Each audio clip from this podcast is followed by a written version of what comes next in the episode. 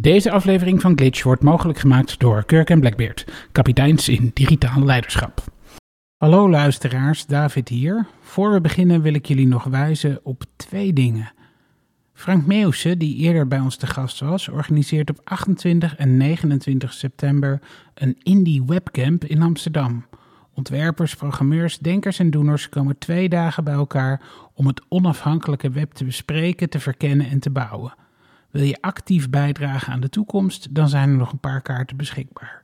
Kijk op indiewebcamp.nl. En op zaterdag 28 september wordt de tweede aflevering van het podcastfestival in de Amsterdamse Tolhuistuin gehouden. De plek voor podcastmakers en fans om elkaar te ontmoeten. Neem een kijkje achter de schermen van je favoriete podcast. Verbeter je eigen skills in een workshop en ontdek nieuwe podcasts en creatieve luisterinstallaties. Wat dat dan ook is. Ik ga zeker kijken naar de keynote van Tim Howard van Reply All. Meer informatie vind je op podcastfestival.nl. Tot dan. Laurens, je moet deze podcast echt luisteren, want... Want je gaat hier horen over versleuteld faxen. Het bestaat nog. Sebastian, je moet deze podcast echt luisteren, want... Het is, geeft een mooi overzicht over de toestand van de medische informatiekunde op dit moment. David, waarom moet je deze podcast echt luisteren? Omdat als je denkt, ik wil leren hoe je hands-on je dienst, je digitale ding beter wil maken voor je gebruiker, de mensen of de wereld, dan hoor je dat hier.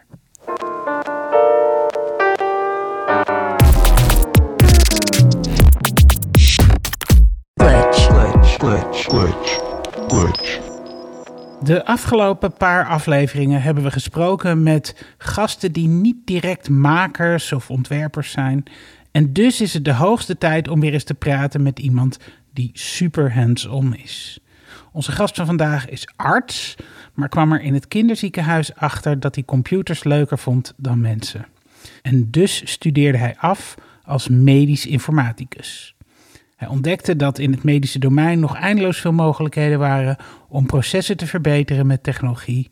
En inmiddels is hij al zeven jaar CTO van de start-up Castor, waar hij zich bezighoudt met het op een gemakkelijke en systematische manier verzamelen van patiëntgegevens als onderzoeksdata voor wetenschappelijk onderzoek. Sebastian Knijnenburg, welkom. Wat doen jullie precies met Castor? Dat is ehm, een lang verhaal. Laten we dan bij het begin beginnen. Eh, tijdens mijn onderzoek en tijdens het onderzoek eh, van de CEO, eh, Dirk Arts, kwamen we daar allebei los van elkaar achter dat het doen van onderzoek ehm, een best wel technisch verhaal is. Ehm, ik was gelukkig vrij technisch, dus ik kon het een en ander aan elkaar knopen en ook andere databronnen aan elkaar verbinden. Maar het viel heel erg op dat een medisch onderzoeker dat zonder technische kennis eigenlijk niet kon.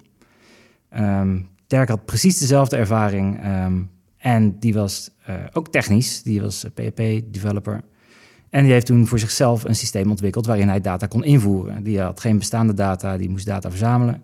Die bouwde een website waarin hij die data kon, eh, kon verwerken. En dat was een heel groot succes bij zijn collega's. Ehm, zelfs zo erg dat er meer en meer mensen gebruik van wilden maken. En voor andere onderzoeken. En dat hij een kleine module toevoegde, waardoor je formulieren kon bouwen. En waren, waren jullie toen al op het punt dat je eigenlijk een soort betaald product had? Of, eh? Dit was eh, absoluut geen betaald product. Ah, ja. Nee, dit was eh, voor eigen gebruik. Ik was er toen ook nog niet. Ehm, maar de volgende stap was dat hij heel graag iemand wilde die aan dat product ging werken en dat ging verbeteren. En ehm, dat weet ik. We leerden elkaar kennen op het AMC, ehm, deden daar even gezamenlijk onderzoek op de afdeling klinische informatiekunde. En mijn periode zat erop, mijn boekje was klaar eh, en hij zocht een software engineer om aan Castor te werken. Eh, en dat weet ik. Zo, Ja. zo heette dat ondertussen. En dat is eh, iets meer dan zeven jaar geleden. Fast forward naar nu. Wat we nu hebben is een online platform, software as a service, waar een medisch onderzoeker ehm, zijn eigen onderzoeksdatabase kan bouwen. Ehm, eigenlijk zonder technische achtergrond. Ehm, elke medicus, research nurse kan daar zijn eigen formulieren bouwen en op een veilige, betrouwbare manier zijn data verzamelen. Ehm, en uiteindelijk ook weer exporteren, zodat ze daar eh, statistisch onderzoek, wetenschappelijk onderzoek mee kunnen doen. Dus je, je, je bent een heel erg geavanceerde, eh, eh, hoe noem je dat, vragenlijst. ja, heel, heel onorthodox zijn we eigenlijk Google Forms met, in het medisch domein. Ehm, en dat, dat medisch domein heeft zoveel haken en ogen dat... Ja, want eh, dat, is, eh, dat, het klinkt als een heel goed idee, eh, Google Forms gebruiken. Dat zou, dat dan zou ik zeggen van, oh, dat, waarom doet mijn dokter dat niet? Nou, dat doet jouw dokter misschien wel. We hebben echt alle, alles voorbij zien komen de afgelopen jaren. Ehm, USB-sticks die, die rondgaan met Excel-sheets. Ehm, dingen die worden gedeeld op Google Drive. vragenlijsten met patiëntdata die inderdaad via Google Forms, SurveyMonkey worden verstuurd. Ehm, En dat is geen goed idee. Dat is eh, een heel groot risico op datalekken, op kwaliteitsverlies. Ehm, dat is absoluut geen goed idee. Nee, wat eh, de wetgeving voorschrijft, of het nou GDPR is of de, de wetten rondom eh, medisch onderzoek, is dat die data verantwoord moet worden verwerkt, gepseudonymiseerd. daar moet er toegangscontrole op zijn. Er moet controle zijn op wie er wanneer bij die data komt. Elke wijziging die wordt aangebracht moet worden getracked in een, in een audit log. Dat zijn allemaal kleine dingen die je in Google Forms niet krijgt, maar bij een platform als Castor wel. Oké, goed. Nou, dus nu, oké, met eh, eh, privacy, hè, dus de technische privacy en security, zit het wel goed. Dat is ook niet, denk ik, wat super interessant is om nog eh, een half uur met je eh, over door te praten. Maar wat je natuurlijk doet, is wat jullie doen, is jullie verzamelen ontzettend veel gegevens van eh, mensen die onderzocht worden of deelnemen aan een studie van over de hele wereld. En met die data, en die data eh, eh, komt bij die onderzoekers terecht. Ehm, maar dat biedt misschien ook nog mogelijkheden om allemaal andere dingen mee te doen. Zeker. En, en volgens mij is dat ook, als ik jullie website goed lees, is dat ook eh, een van de kansen die jullie zien in de toekomst. Hè? De data die al verzameld is en die zou je kunnen gebruiken voor een andere studie, hoef je niet opnieuw te verzamelen. Ja, of zie ik dat, echt, echt onze visie is, ehm, of missie misschien meer, om elk datapunt dat verzameld wordt zo, zo vaak mogelijk te benutten en zo, zoveel mogelijk waarde uit te halen. Omdat elk datapunt uiteindelijk een, een soort van belasting voor een patiënt is geweest. Ja. Ehm, maar dat moet je natuurlijk heel veel op een hele verantwoordelijke wijze doen. Ehm, En, en ja, eh, wa- want ehm, waarin, wa- hoe, hoe doe je dat dan anders? Ja, maar hoe gaan dingen nu? Hè? Want Ja. ik denk dat voor jou is zeg maar eh, eh, medisch onderzoek doen is heel vanzelfsprekend, Ja. maar voor heel Ja. veel mensen Ja. niet. Dus Ja. hoe, hoe gebeuren eigenlijk dingen zonder dat, ze met, zonder dat mensen met jullie werken? Ehm, nou, men begint met het. eh, misschien als je gewoon het wetenschappelijk proces bekijkt. Ja. Men heeft een hypothese, wil graag. eh, heeft een idee over ehm, het, het, de werking van een bepaald nieuw medicijn. En dat willen ze graag testen. Ze denken dat dat beter is. Dus de hypothese is: medicijn X is beter dan medicijn Y. Nou, dat kan je testen. Dan moet je namelijk dat medicijn voorschrijven. ehm, en Dubbel, dubbelblind. dubbelblind het liefst. Twee groepen patiënten includeren. eh, of één, één groep patiënten includeren en die eh, twee verschillende medicijnen geven. En, je moet ze van tevoren ook nog heel goed toestemming vragen om dat, Dat allemaal is te mogen doen. Toch? zeer Dat is, belangrijk, eh, ja. Dus eh, zodra je de patiënt voor je hebt, moeten zij informed consent tekenen eh, dat zij volledig op de hoogte zijn dat ze meedoen aan een wetenschappelijk onderzoek. Kennis hebben van de risico's die daarbij horen en tekenen waarvoor hun data gebruikt mag worden. Ehm, en dat is een eenmalig ding. In Nederland moet dat nog met een natte handtekening. Dat kan niet digitaal. Dat mag nog niet digitaal. Ehm, en vervolgens eh, loopt zo'n studie dan eh, twee jaar. Er wordt data verzameld. Ehm, dat, kan, eh, dat is helaas nog heel vaak op papier. Ehm, wat vervolgens wordt overgetikt in een, een database. Ehm, dat kan je overtikken in Castor. Dat zou het mooiste zijn. Maar dat gaat helaas vaak ook gewoon nog in huisgebouwde Excel-sheets, Access. Ehm, en dan op het einde wordt die data eh, in een spreadsheet formaat geladen om eh, statistiek mee te bedrijven. Dan wordt er vergeleken of medicijn daadwerkelijk beter is dan eh, medicijn X beter dan medicijn Y.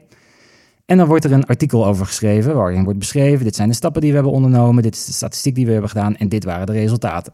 En, en die data die wordt dan ook nog ergens opgeslagen voor wetenschappelijke doeleinden of dat, dat is nu niet zo. Dat hoop je. Ehm, Daar het kan nu het niemand wordt bij. langzaam maar zeker iets beter, maar ehm, Maar in principe is dat, eh, to- dat staat er heel vaak bij, toch? Van het, het mag gebruikt worden voor wetenschappelijk onderzoek. Of- Maar dat is dus in de praktijk heel moeilijk. Nou ja, ehm, als jij een, een CSV-bestand krijgt, een platgeslagen eh, spreadsheet met een aantal kolommen die begint pad ID, dan krijg je BP underscore cyst. Ja, En dan weet jij toevallig dat dat bloeddruk systolisch is, omdat jij dat onderzoek ooit hebt gedaan. Maar als jouw collega vier jaar later denkt: ik wil naar dat medicijn nog een keertje kijken in vergelijking met deze groep patiënten. dan moet het wel heel goed beschreven zijn wat wat is.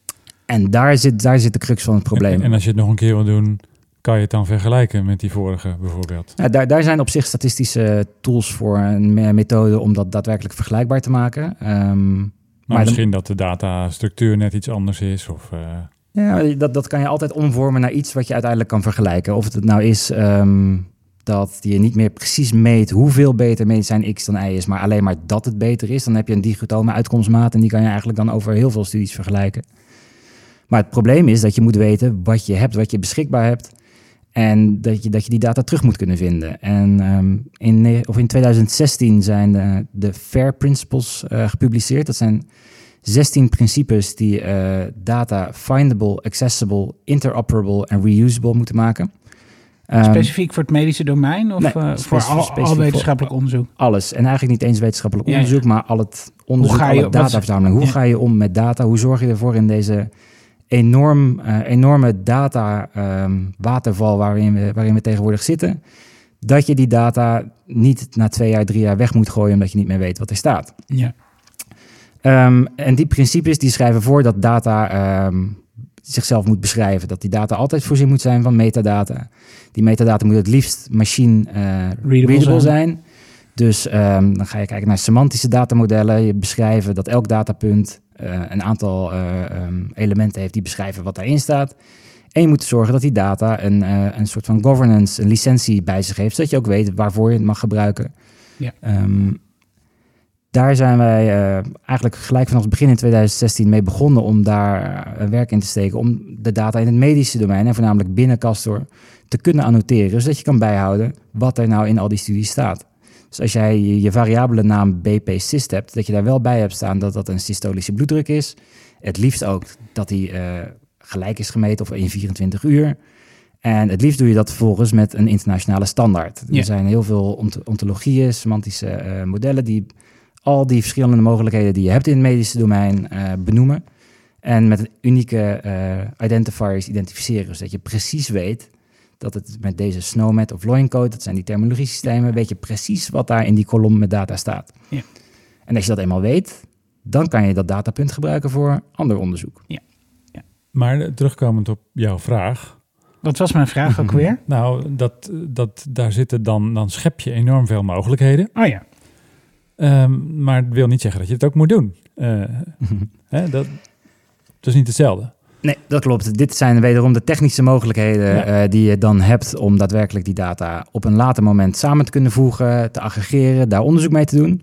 Ehm, moet je dat doen? Eh dan zeg ik volmondig ja, omdat dat ervoor zorgt dat we ehm, niet alleen nu, maar ook de komende 50 tot 100 jaar al die data daadwerkelijk tot nut laten komen. Dus ik denk dat, dat het antwoord op die vraag ja is, dat moeten we zeker doen.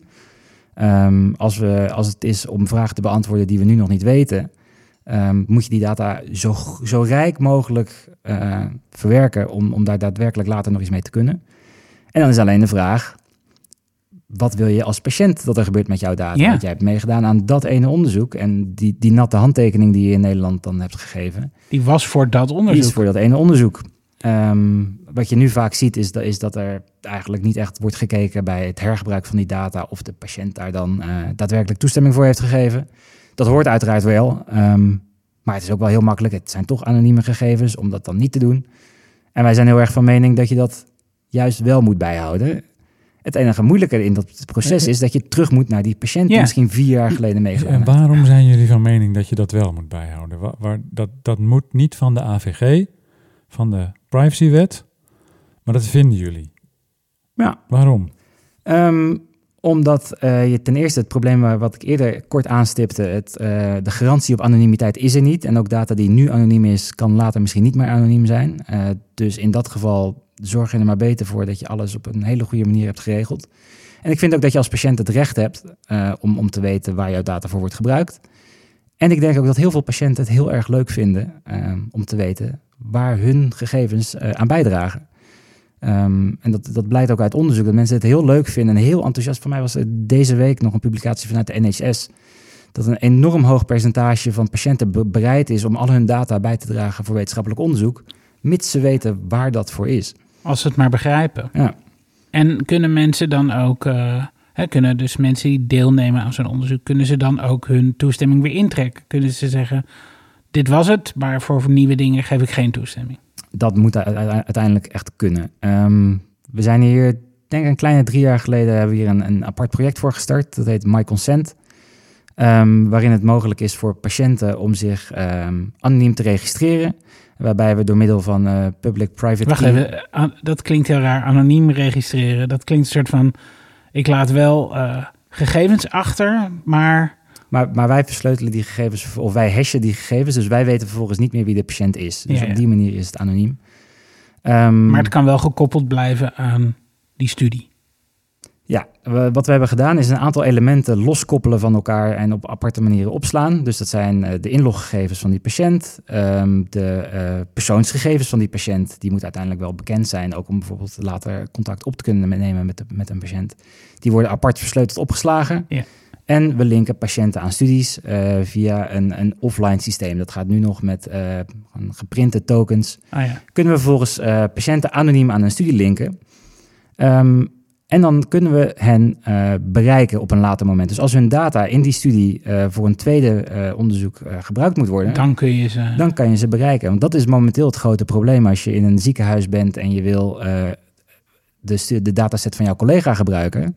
Dan moet je dus wellicht 400 patiënten gaan nabellen die de afgelopen vier jaar het hele land door zijn verhuisd. En dat, dat is eigenlijk praktisch niet haalbaar. En, en hoe werkt dat dan met dat My Consent? Hoe zou dat dan werken?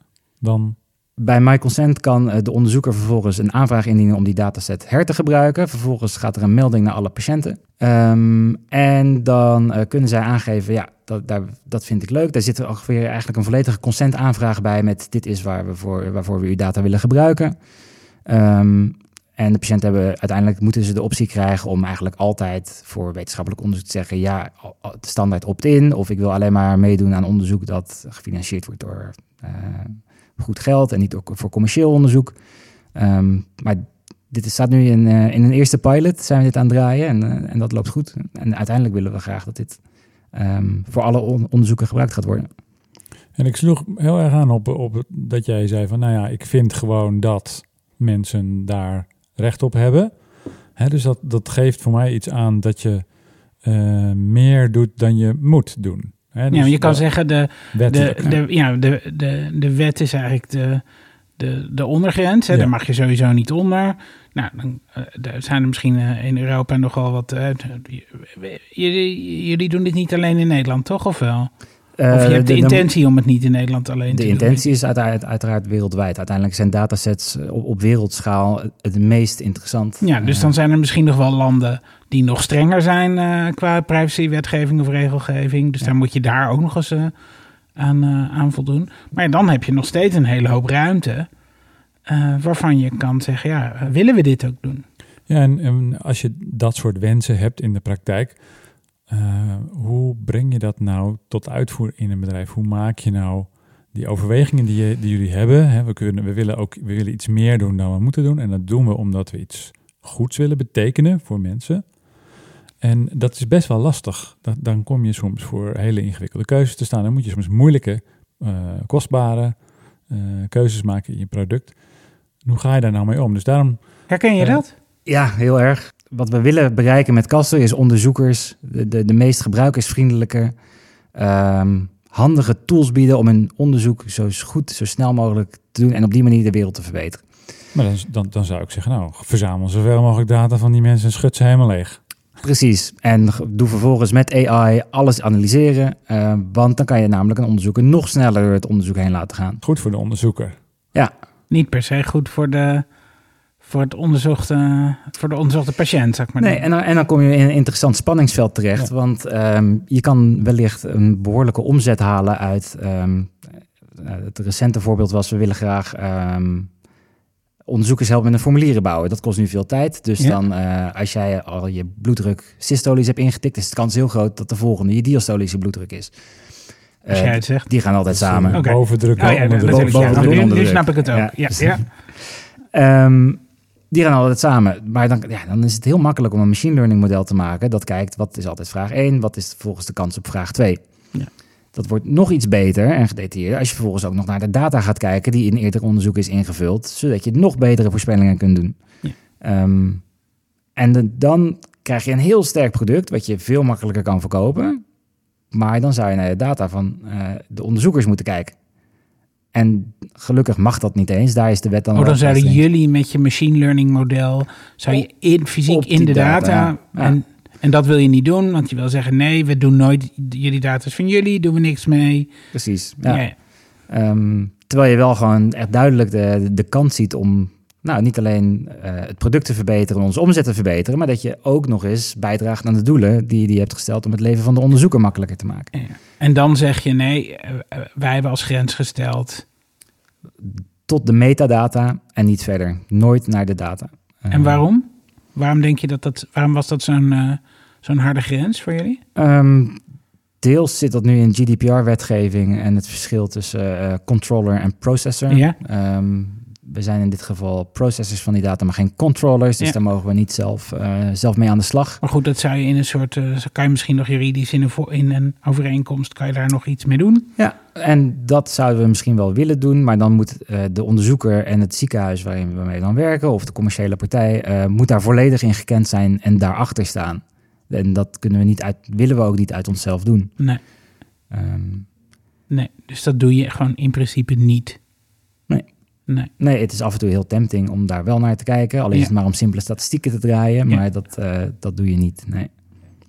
En, en nou is natuurlijk het interessante dat ehm, ehm, eh, heel veel partijen vaak eh, met dit soort waarden zijn begonnen. Don't En- be evil. Precies.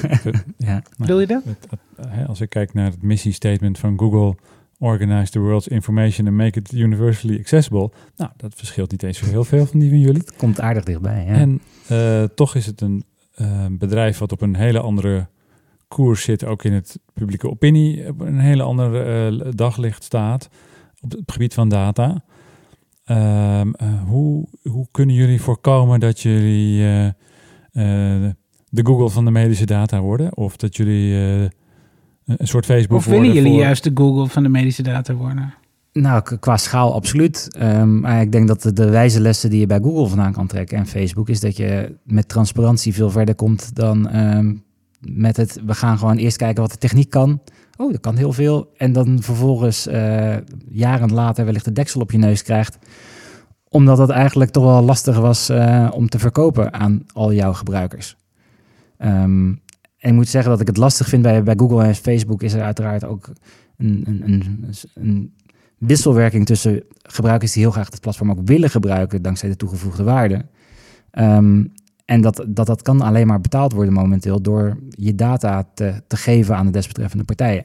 Maar goed, jullie hebben niet zo'n businessmodel, dus dat in die situatie, hè, jullie klanten betalen toch gewoon, Gewoon voor, voor, voor het gebruik van ons product. ja, Ehm, en er zijn ook nog interessante modellen te, bedenken, eh, ook juist via een My Consent, waarbij je zou kunnen zeggen, nou, je kan ook nog als patiënt eh, geld verdienen met je data. Dat, dit is heel ver weg, maar dit zou een duidelijke mogelijkheid zijn om ook nog eh, de patiënt hierin te betrekken. We hebben ooit discussies gehad over, moeten we niet een cryptomunt maken waarmee we eh, ja. data-uitwisseling kunnen stimuleren. Dat als jij jou, jouw eh, datapunt inlegt, krijg je drie data, mag je drie datapunten uit het systeem nemen. Nou Ehm, en op die manier een soort ruilhandel creëren voor, voor, handel, eh, voor, voor data. data. Ja. En, en, en hoe denken jullie daarover? Dat hebben jullie niet gedaan om, om, om praktische redenen? Of dat, eh, dat, dat, Eh, we, we zitten bordevol ideeën, maar er, er is maar zo weinig tijd. Dat, ehm, ons core product is echt dataverzameling voor, voor klinisch onderzoek en eh, het, het versnellen van, van medisch onderzoek eh, via een gebruiksvriendelijke applicatie. Ehm, en we, we zijn inmiddels zeven jaar oud. We zijn heel lang bootstrapped, langzaam gegroeid. En de afgelopen twee jaar is daar een flinke stroomversnelling in gekomen. Ehm, dus wellicht dat dat met nog iets meer groei, dat we daar iets meer capaciteit voor kunnen maken om dit, dit soort meer innoverende ideeën eh, tot uiting te brengen. Volgens mij ehm, eh, is er nog heel erg veel mogelijk in de zorg qua, qua digitalisering en vernieuwing. Zie ik dat goed? Ja, absoluut. En dat is ook denk ik een van de redenen dat ik de medische informatiekunde in ben gegaan. Eh, zodra ik daar ging kijken in 2002 eh, ehm, naar mijn VWO, was ik gelijk gegrepen door de, de mogelijkheden die er waren op voor het- het inzetten van IT in de zorg. Nou, ben ik ontzettend benieuwd naar, maar praten we daar zo even over door. glitch, Deze aflevering van Glitch wordt mogelijk gemaakt door Kirk en Blackbeard, kapiteins in digitaal leiderschap. Er zijn van die vragen die in elk project terugkomen. Gaan we de login zelf bouwen? Wordt het een app of een website? Bouwen we in React of Vue? En zullen we iets doen met machine learning? Ik denk dat als we 10 minuten nadenken, we samen zo 100 voorbeelden hebben van vragen waar je steeds mee te maken krijgt. Iedereen in je organisatie heeft zo zijn voorkeuren en stokpaardjes. De een wil graag een nieuw framework proberen, een ander zoekt zekerheid bij wat ze al kan, en weer een ander kiest het liefst voor inkopen, want dan ligt de verantwoordelijkheid lekker bij iemand anders. Probeer zomaar eens de juiste keuze te maken. Dus daar gaat het dan ook vaak mis. Veel teams denken vanuit wat ze kennen en beheersen. Of er wordt gekozen voor techniek om de techniek. Denk maar aan al die types die nu iets met blockchain doen. Help je je klant daar echt mee of staat het leuk op een cv? Om verder te komen heb je overzicht nodig. Overzicht over de behoeften van je gebruiker, over de techniek en over de toegevoegde waarde. Want als je het landschap kunt overzien, wordt het kiezen van de route een makkie.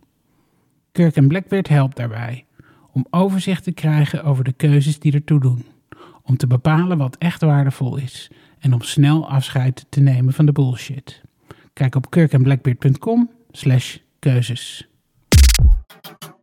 glitch, Dit is Glitch, een podcast over de interactie tussen mens en machine. En die interactie gaat niet altijd vanzelfsprekend goed.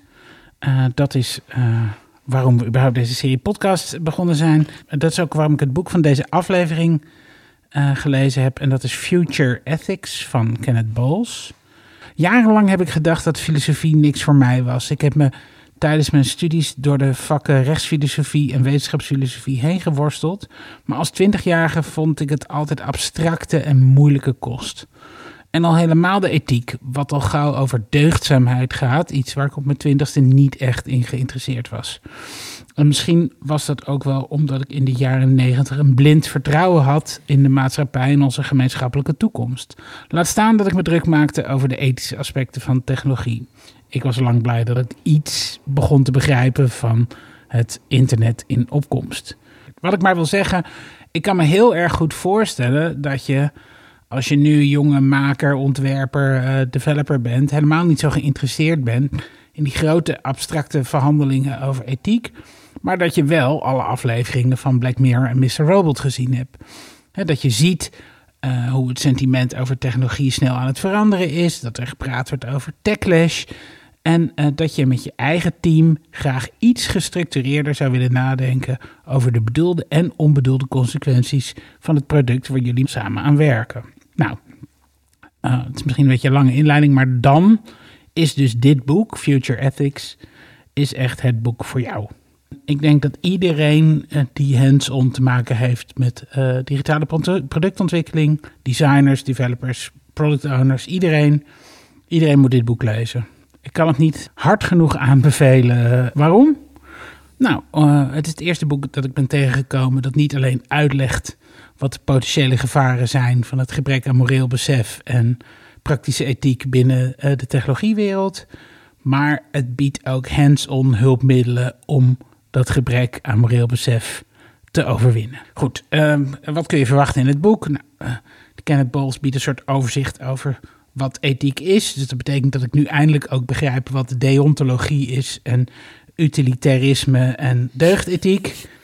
Juist. Oké, dus ook een beetje how to bluff your way into philosophy. Precies. Yes. Precies. Nou, dan geeft hij ontzettend goede opzomming eh, eh, van soorten van eh, bias, hè, de vooroordelen die ongemerkt in je, in je product of in je handel het, eh, terecht kunnen komen.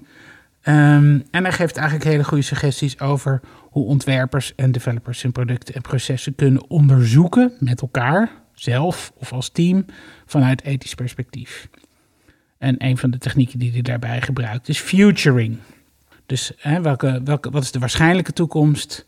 Wat is de mogelijke toekomst? En welke zou je willen dat er plaatsvindt? Maar die, ja, die dingen overlappen niet. En ehm, eh, ja, het biedt eigenlijk een soort handvat om er met elkaar over te praten en tot iets te komen. Ehm, nou, dan heeft hij het nog eh, over de maatschappelijke impact van technologie, de macht van platformen, de impact op onze leefomgeving, het milieu, onze geestelijke gezondheid. Maar goed, dat doen al die andere boeken waar we de afgelopen afleveringen over gepraat hebben ook. Dat maakt dit niet bijzonder, maar doet het wel praktischer. Ehm, en ehm, dan zegt hij nog wat als je dit eh, op een groter niveau wil doen dan alleen in je eigen ontwikkelteam. Hoe organiseer je dat in een bedrijf? Benoem dan geen chief ethics officer. Dus maak niet één iemand eh, verantwoordelijk. Maar wat je moet doen is eh, hands-on keuzes maken in je ontwerp en je ontwikkelteams. En dat vraagt om zelfreflectie, zowel bij alle mensen in je bedrijf of in je team persoonlijk. Hè? Wat ben je zelf eigenlijk bereid om te doen en wat niet? Hoe ver wil je gaan? Waar, waar ligt jou, eigenlijk jouw persoonlijke kader?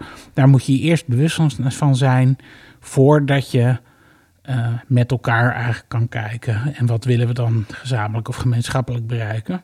Dus je moet het uit jezelf halen, Ja, veel meer dan ooit. En daar zegt hij best wel iets leuks over uh, in een talk. Want hij heeft natuurlijk ook een talk. Laten we er even naar gaan luisteren. That said, I do believe the onus is still on us as individuals and practitioners. Morality is a muscle that needs exercise. The choice to live well is just that it's a choice, it's not some abstract gift. So that means we have to ask ourselves some fairly uncomfortable questions. How might I be screwing up every day in the work that I do? Thinking back to those ethical lenses, those ethical tests, which one of those is most compelling to me? How might I decide to behave in a way that's coherent with that way of thinking about ethics? What would my limit be as a designer? At what point would I say to my teammates, no more, I'm not going to cross this line? And how would I start to have that conversation? Ik vond het um, een uh, ontzettend interessant boek. Ik kan het iedereen aanraden. Het is een heel erg goed handvat. Um, om ethiek in de praktijk toe te passen. Ik geef het vijf sterren. Nou, dat is uh, volgens mij het, het, voor het eerst. Vijf, hè? In deze serie. Ja, ja. Nee, echt super praktisch. En in een van de komende afleveringen krijgen we Kenneth Bowles ook als gast. Dus dan kunnen we hem ook allerhande vragen stellen. En voor de mensen die dan al dan niet het boek gelezen hebben, we zijn ook heel erg benieuwd naar wat jouw vragen zijn die je mogelijk aan hem zou willen stellen of waarvan je zou willen dat wij ze aan hem stellen. Dus die kun je met ons delen op redactie.glitch.show. Goed. Nou, en als ik naar het boekje kijk, dan uh, is voor mij al een enorme aanbeveling dat er een voorwoord in staat van Alan Cooper. Want Alan Cooper is een van mijn persoonlijke helden. Uh, die heeft mij het belang van interactieontwerp laten uh, zien. dus ik ben ook al enorm getriggerd, alleen daar al door. je moet dus ook nadenken uh, zegt Kenneth Bowles over waar zouden je persoonlijk je fuck-ups kunnen zitten. Waar zitten, wat, wat is jouw grootste fuck-up uh, uh, geweest, Sebastian? Um, het, het, allereerste wat gelijk na, na al die jaren bij, bij me opkomt, is het moment, toen waren we nog vrij klein, vier mensen bij Castor. Um, draaiden we nog onze eigen server in plaats van dat we dat lieten doen. Um, en dat ik graag iets aan de firewall wilde aanpassen. En met die configuratiewijziging de server volledig van het internet afsloot. Op zo'n manier dat er iemand daadwerkelijk naar het datacentrum moest om daar weer in te stellen dat hij wel bij het internet kon. Um, ja, dat, dat is qua fuck-up by far het, ergste, denk ik, wat ooit is gebeurd. Het is geen ethisch, um, ethische mislukking, maar wel een technische, technische fuck-up. Ik kan me voorstellen dat. Uh uh, het niet het enige is dat je door schade en schande hebt moeten leren. Uh, hey, jullie zijn zeven jaar op weg. Hoe hou je jezelf uh, fris en scherp? En nou, hoe, zorg, hoe, zorg, je dat jij bijleert? Dat is, dat is echt best wel een, een, opgave. Een heel groot deel gebeurt spelende wijs. Um, je groeit van, van, van een junior developer naar medior, omdat je gewoon aan het bijleren bent. In jaar 1, jaar 2 naar senior, want je moet ook de infrastructuur erbij doen en alles plannen en de designs maken. Totdat je vier engineers in je team hebt, dan ben je ineens een teamlead. Uh, totdat je nu, uh, nou pak een beetje 15 mensen aan de engineering kant hebt. En CTO, als CTO bepaalt wat de strategie moet worden de komende jaren. Heel veel daarvan gaat natuurlijk en, en groeit gewoon door. Maar het is ook heel veel vallen, opstaan, feedback krijgen. Ehm, niet alleen van teamleden, maar we hebben eh, volgens mij een enorm goed mechanisme gevonden door met z'n drieën als managementteam eh, elk kwartaal samen te gaan zitten en te evalueren hoe gaat het. Hebben we, stellen we de juiste doelen voor onszelf? Ehm, wat gaat er slecht? En vooral dat en daar lekker op door te focussen. En, en nog heel even teruggrijpend op, eh, op het boek. hè, wat hij zegt. eh What would my limit be? Vraag je jezelf dat allemaal eens af. Heb je dat wel eens afgevraagd? En, en wat, wanneer was dat? zitten we in een best wel riante positie dat we als Castor proberen de wereld te verbeteren. Ehm, en er zijn niet zo heel veel bedrijven die dat als core element hebben. Dus wat er gebeurt is dat er heel veel engineers en designers bij ons terechtkomen die ehm, daar juist op dat element afkomen. Die klaar zijn met de massa-commercie, de e-commerce websites projecten. Die graag ook iets willen verbeteren. En op de een of andere manier zijn dat het type mensen die ook heel hard op de privacy zitten.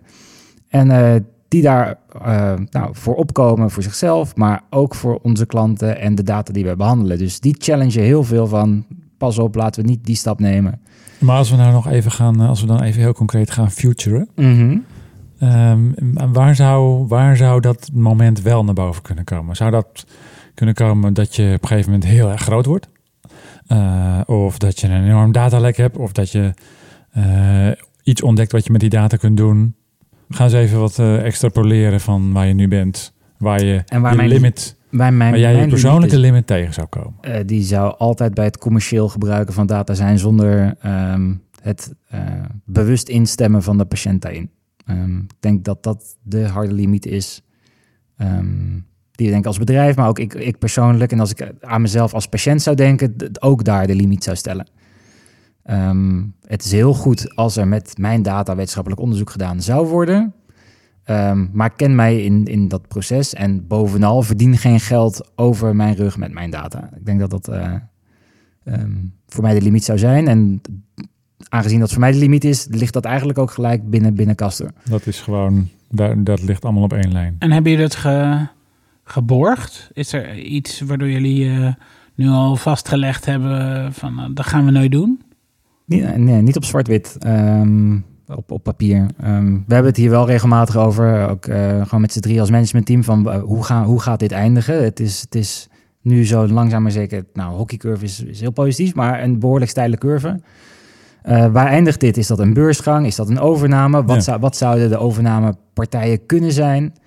Ehm, en dan, dan ga je daar wel heel, heel kritisch naar kijken. Nee, je, je hebt een investeerder aan boord.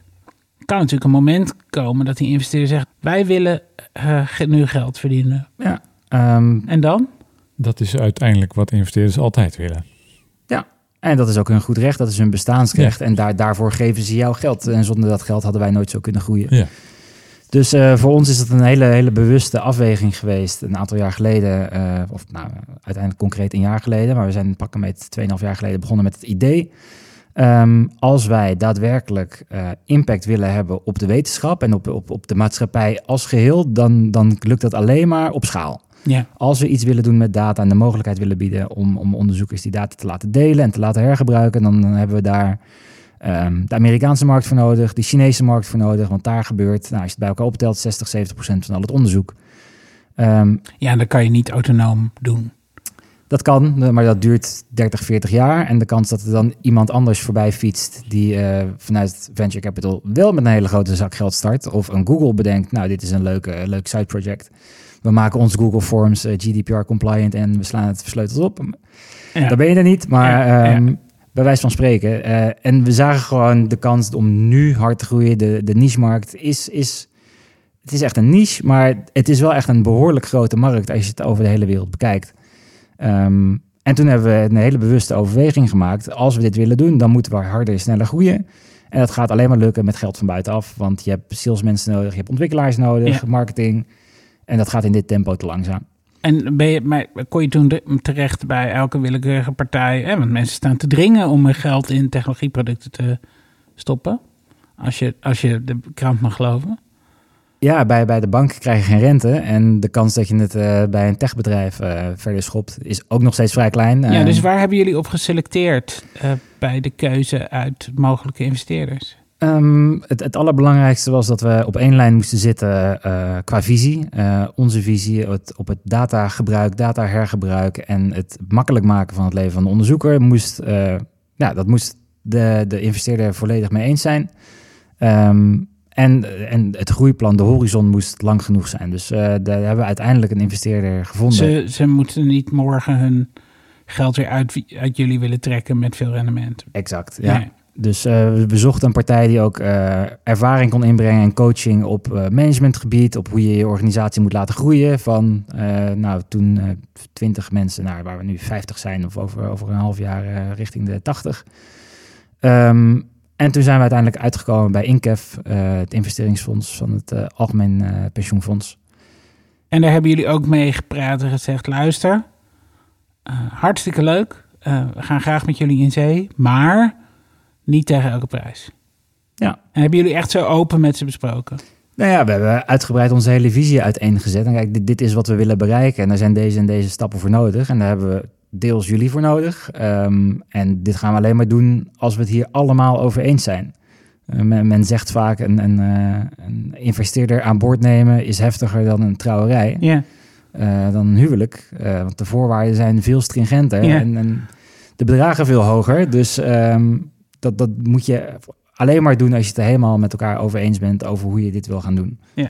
En En dat hebben jullie dus ook echt zo besproken? Ja. ja. En zou je iedereen aanraden om dat te doen? ik denk dat dat heel erg van het bedrijf afhangt. Ik kan me heel goed voorstellen dat je ehm, jezelf in, in een hoekje werkt. Zeker als je eh, nog niet helemaal zeker bent over je bedrijfsmodel. Als je vervolgens een investeerder aan boord krijgt die wel wat sneller geld terug wil zien, dan ga je heel snel ga je, ehm, keuzes maken die misschien niet in het best interest zijn van je bedrijf. Ehm, en ja, die, die keuzes, daar kijken wij af en toe ook tegenaan. Want eh, commerciële bedrijven leveren veel meer geld op potentieel dan academische ziekenhuizen. Maar Ja. uiteindelijk willen we die data bij de academische ziekenhuizen vandaan halen. Want daar gebeurt zoveel onderzoek en dat zijn de mensen die we daarmee willen helpen. Ja. Hoe splits je dat op? Hoe verdeel je je aandacht? Zeker als je maar een, een handjevol salesmensen hebt. Ehm, en als je dan een, een in je nek hijgende investeerder hebt die snel return wil zien, die gaat op een gegeven moment zeggen: laat die academische wereld maar zitten.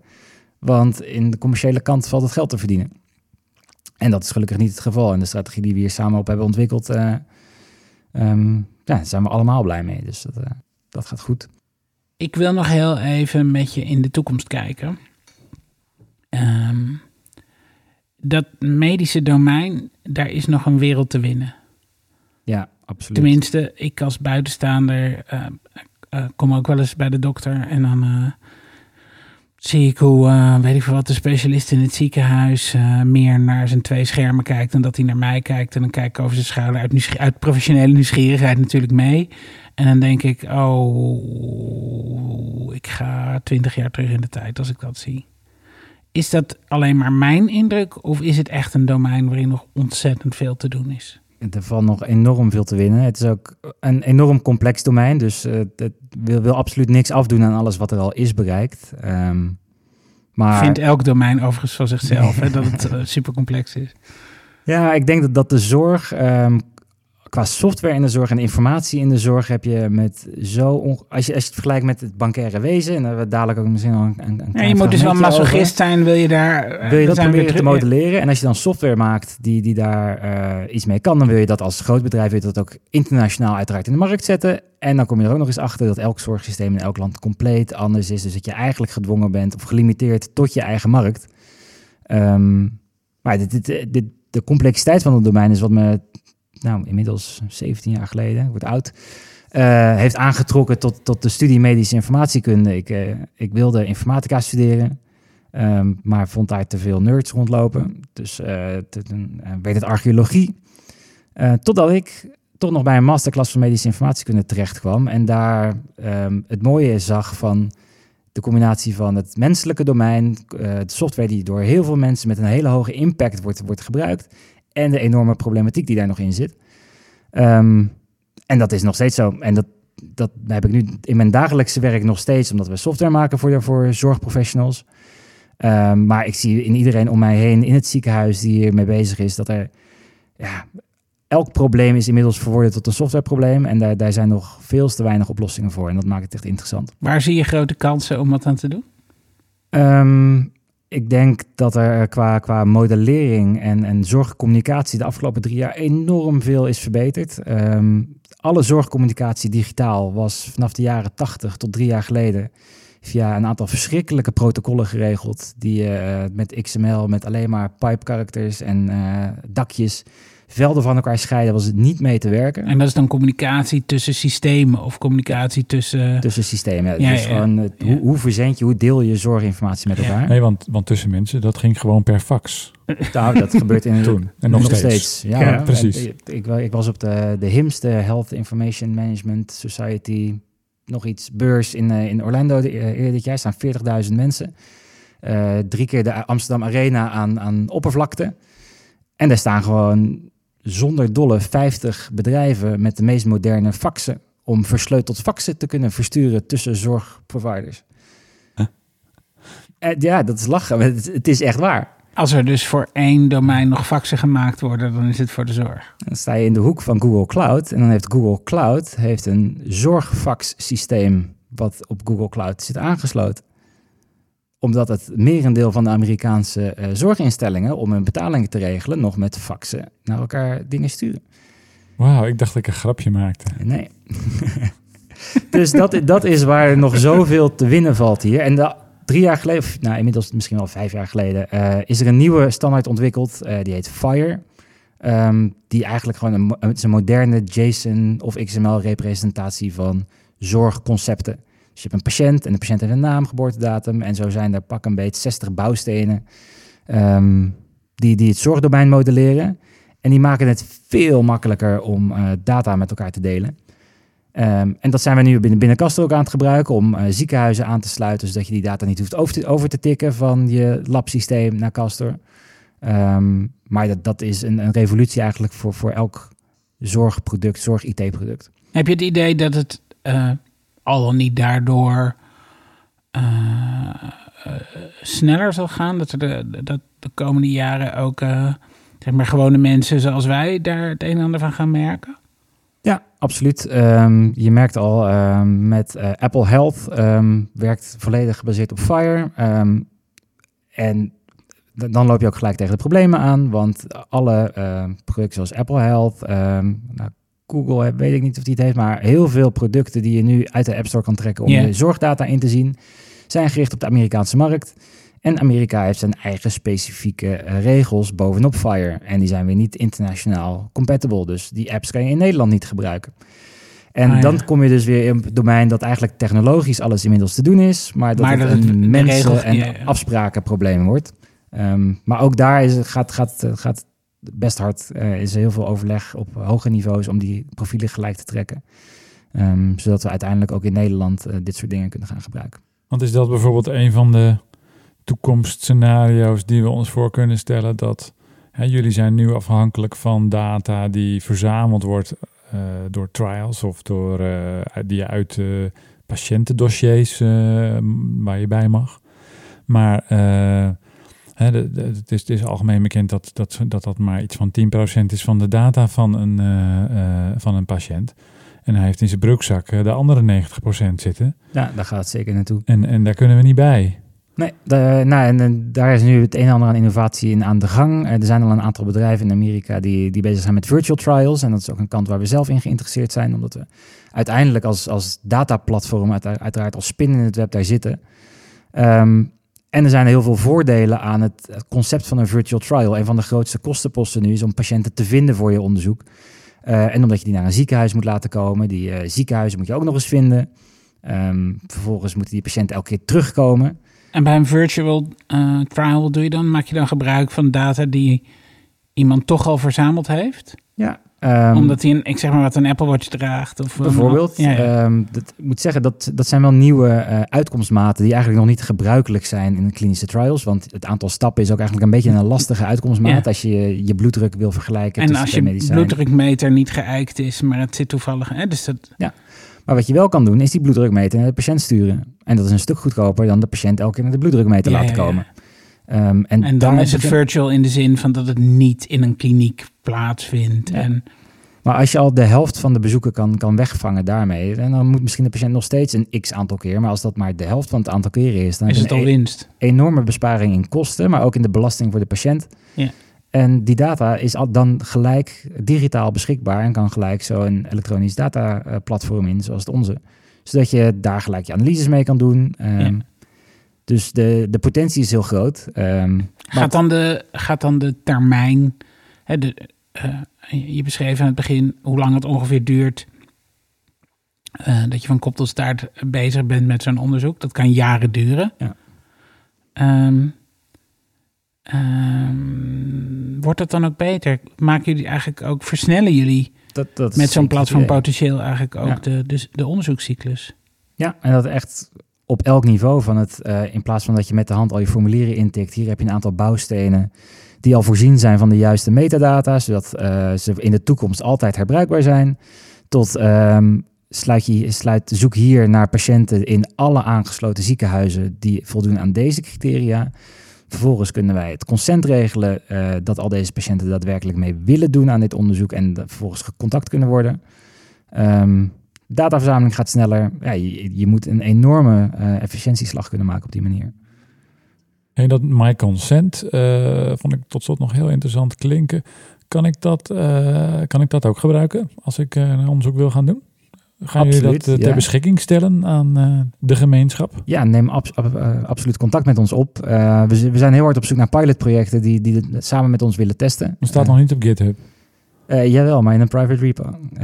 En zouden jullie dat, zouden jullie dat eh, ter beschikking willen stellen? Want dat klinkt als iets wat eigenlijk, ja, wat eigenlijk eh, Van publiek nut is ongeveer. Zeker. Ja. Ehm, nou, dat, dat behoort zeker tot de mogelijkheden. We hebben ook gedacht eh, eerder om Castor EDC tot het publieke domein eh, eh, aan het publieke domein beschikbaar te maken. J- jullie core product. Core product, ja. Ehm, uiteindelijk niet gedaan, ehm, niet zozeer vanuit de bescherming van, van de source code, maar omdat het wel een, een heel, heel concreet onderdeel is van ons hele bedrijf. Ja. Voor MyConsent is dit iets anders en het is zeker iets wat, wat we zouden kunnen, kunnen overwegen. Ehm nou, zou ik wel voor openstaan. Geen directe nee. Ik moet wel even goed nadenken wat de implicaties zijn. Ik denk dat het grote belang van MyConsent is dat je ervoor zorgt dat er een, een, een, een eh, trusted third party is die ervoor zorgt dat de encryptie en de opslag van die data goed gewaarborgd zijn. Ehm, en dan het zomaar hosten van die source code ergens is geen garantie dat de data vervolgens veilig wordt verwerkt. Hey, voor jou persoonlijk, wat, eh, eh, wat verwacht je? Waar zit jouw groei in de komende paar jaar? Dus niet zozeer de groei van het bedrijf, maar eh, hoe kijk jij naar de komende paar jaar? Ehm, voor mij gaat het, eh, denk ik, op twee fronten heel interessant worden. Ten eerste eh, de data-integratiekant. Eh, we, we hebben nu de eerste stappen gezet. We zijn al een paar jaar bezig met Fire en hoe je ziekenhuizen kan aansluiten. Ehm, we willen heel graag daar de patiënt in gaan betrekken en dan ehm, de patiënt ook de controle geven over welke data hij of zij wil gaan delen en die strategie uitstippelen. Eh, en, en de partnerships denk ik met andere partijen. Want we, data, dataverzameling is maar een klein aspect van het runnen van een klinische trial. Ehm, dus de, de, de- daar komt veel meer bij kijken. Logistiek, eh, eh, planning, eh, statistiek, analytics. Ehm, dat zijn allemaal dingen die we ofwel zelf gaan doen of met andere partijen gaan doen. En ehm ja, dat me heel kun je nog wel zeven jaar vooruit. Minimaal. Best Ja, wel positief. Absoluut. Ja, nou, top. Hey, ehm, Over positief gesproken. ja, precies, Laurens. Ehm, heb, jij, heb jij nog iets positiefs te melden zo aan het einde van deze aflevering? Ehm, ik ehm, kwam eh, deze zomer een hele leuke campagne tegen waar ik heel blij van werd. Dit was een campagne van de Duitse spoorwegen, Deutsche Bahn. Eh, die heette No Need to Fly. Ze hebben, Deutsche Bahn heeft als eh, campagne hebben ze, zijn ze op zoek gegaan naar hele mooie foto's uit Duitsland. En zijn ze eh, via een algoritme hebben ze daar foto's van eh, bezienswaardigheden in het verre buitenland bijgezocht. En het ziet er echt super goed uit. Je ziet zo naast elkaar een foto van de Grand Canyon en een foto van een kloof in de Lorelei.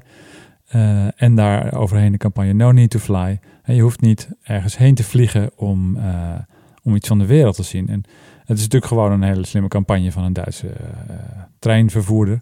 Maar er zit iets, zit iets ontzettend goeds in, vind ik. Namelijk dat besef dat we, dat we eh, niet meer de hele wereld over hoeven te vliegen om, eh, om, om Een mooie om- ervaring te hebben. Ja, om- precies. En om op vakantie te zijn inderdaad en om nieuwe dingen te zien.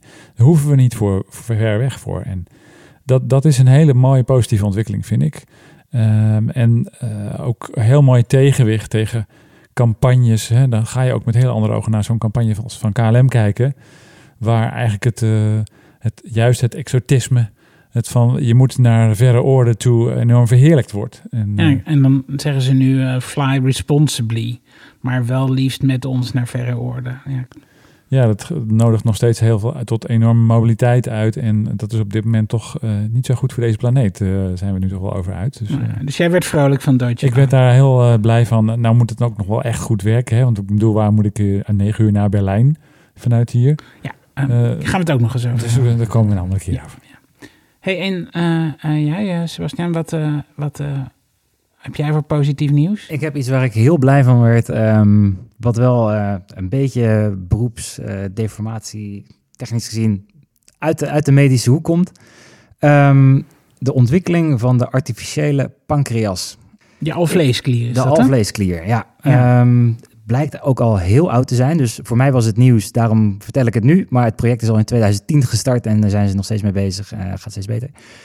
Ontwikkeld door een meisje van 15 die eh, ehm, haar met diabetes type 1, eh, wat betekent dat je glucose moet spuiten en de hele tijd je bloedsuiker moet meten. En dat is invasief, dat is vervelend. Eh, dus die kreeg op een gegeven moment, eh, ging ze op zichzelf wonen en kreeg een eh glucose monitor die continu mat, meten. Ehm, en die gaf een alarmsignaal af als haar eh waardes te afwijkend werden. Maar daar, het alarm was zo zacht dat ze daar s'nachts niet van wakker werd. Oh, ja. En dat is gevaarlijk, want als je tijdens eh, die afwijkende waarde niet actie onderneemt, heb je kans om te overlijden. Oh, ja. Het dead in bed syndrome, dat is daadwerkelijk overlijden heel veel mensen. Ehm, en zij is dat toen gaan meten en gaan koppelen aan een eh, eh, glucose of een eh insuline Insulinepompje. pompje. Ehm, en dat is dus in 2010 al begonnen met Raspberry Pi's. Zijn ze gaan Heeft ze zelf gedaan. Ja, ja, ze heeft mensen ontmoet die daar ook heel veel verstand van hadden. Maar zij is echt de, de powervrouw die hier nu achter zit. Dana Lewis heet ze. Er is heel veel van haar online te vinden. Ehm, en dit is dus doorontwikkeld tot een groep van bijna duizend eh, diabetes type 1 patiënten.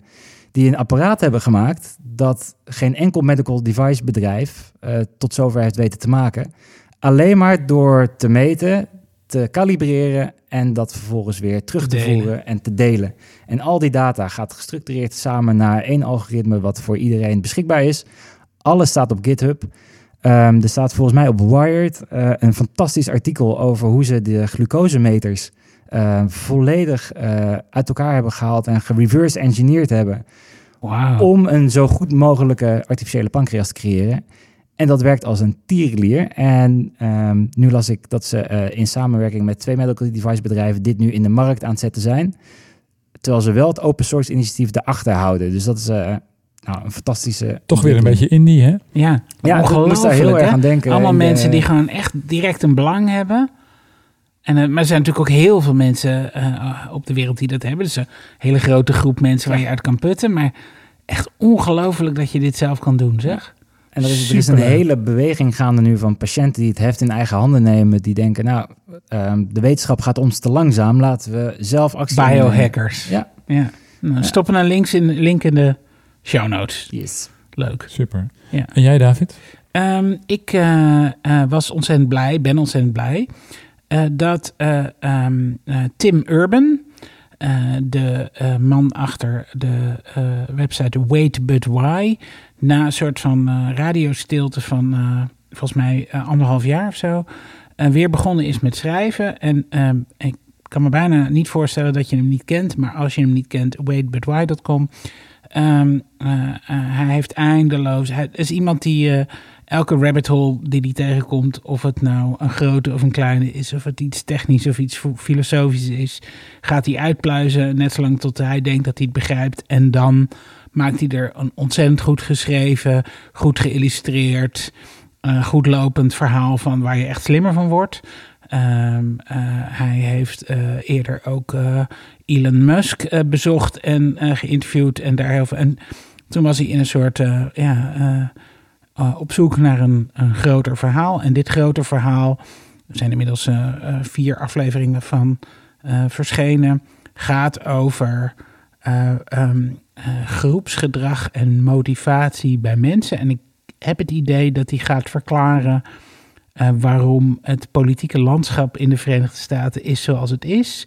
Waarom sociale media inspelen op onze eh, psyche. En dat doet hij door helemaal bij nul te beginnen. Ehm, het is nu al rete fascinerend. Ik kan het iedereen aanraden. eh waitbutwhy.com. Eh, ik kan niet missen. Oké. Ja. Nou, ehm eh, dankjewel Sebastian Kleinenburg dat je hier wilde zijn. Ja, jullie bedankt voor de uitnodiging. Ik vond het heel leuk om hier bij jullie te zijn. Nou, goed, graag gedaan. Ehm, dit was Glitch, Ehm, een podcast over de interactie tussen mens en machine. Naast mij zit eh Laurens de Knijf. En naast mij zit David Linsen. Ja. Te vinden op Twitter onder de handle David Linsen met dubbel S. De muziek eh, is van Big Orange Music. Als je eh, iets wil doen om ons te steunen, ga dan eh, naar de Apple eh, Podcasts. Zo heet het tegenwoordig. Ik wou zeggen de iTunes Store, maar het heet bijna niet meer zo. En eh, waardeer ons daar met een, een, een waardering of sterren. Stellen we enorm op prijs ehm, en is de beste manier voor andere mensen om ons ook te vinden. Hoort zegt het voort. Deel, het op, deel ons op Twitter, Facebook, LinkedIn. of je andere druk naar keuze. Ehm, dat was het. Tot volgende keer. Ja. En als je nog iets wilt toevoegen of meegeven aan ons, redactie at glitch.show.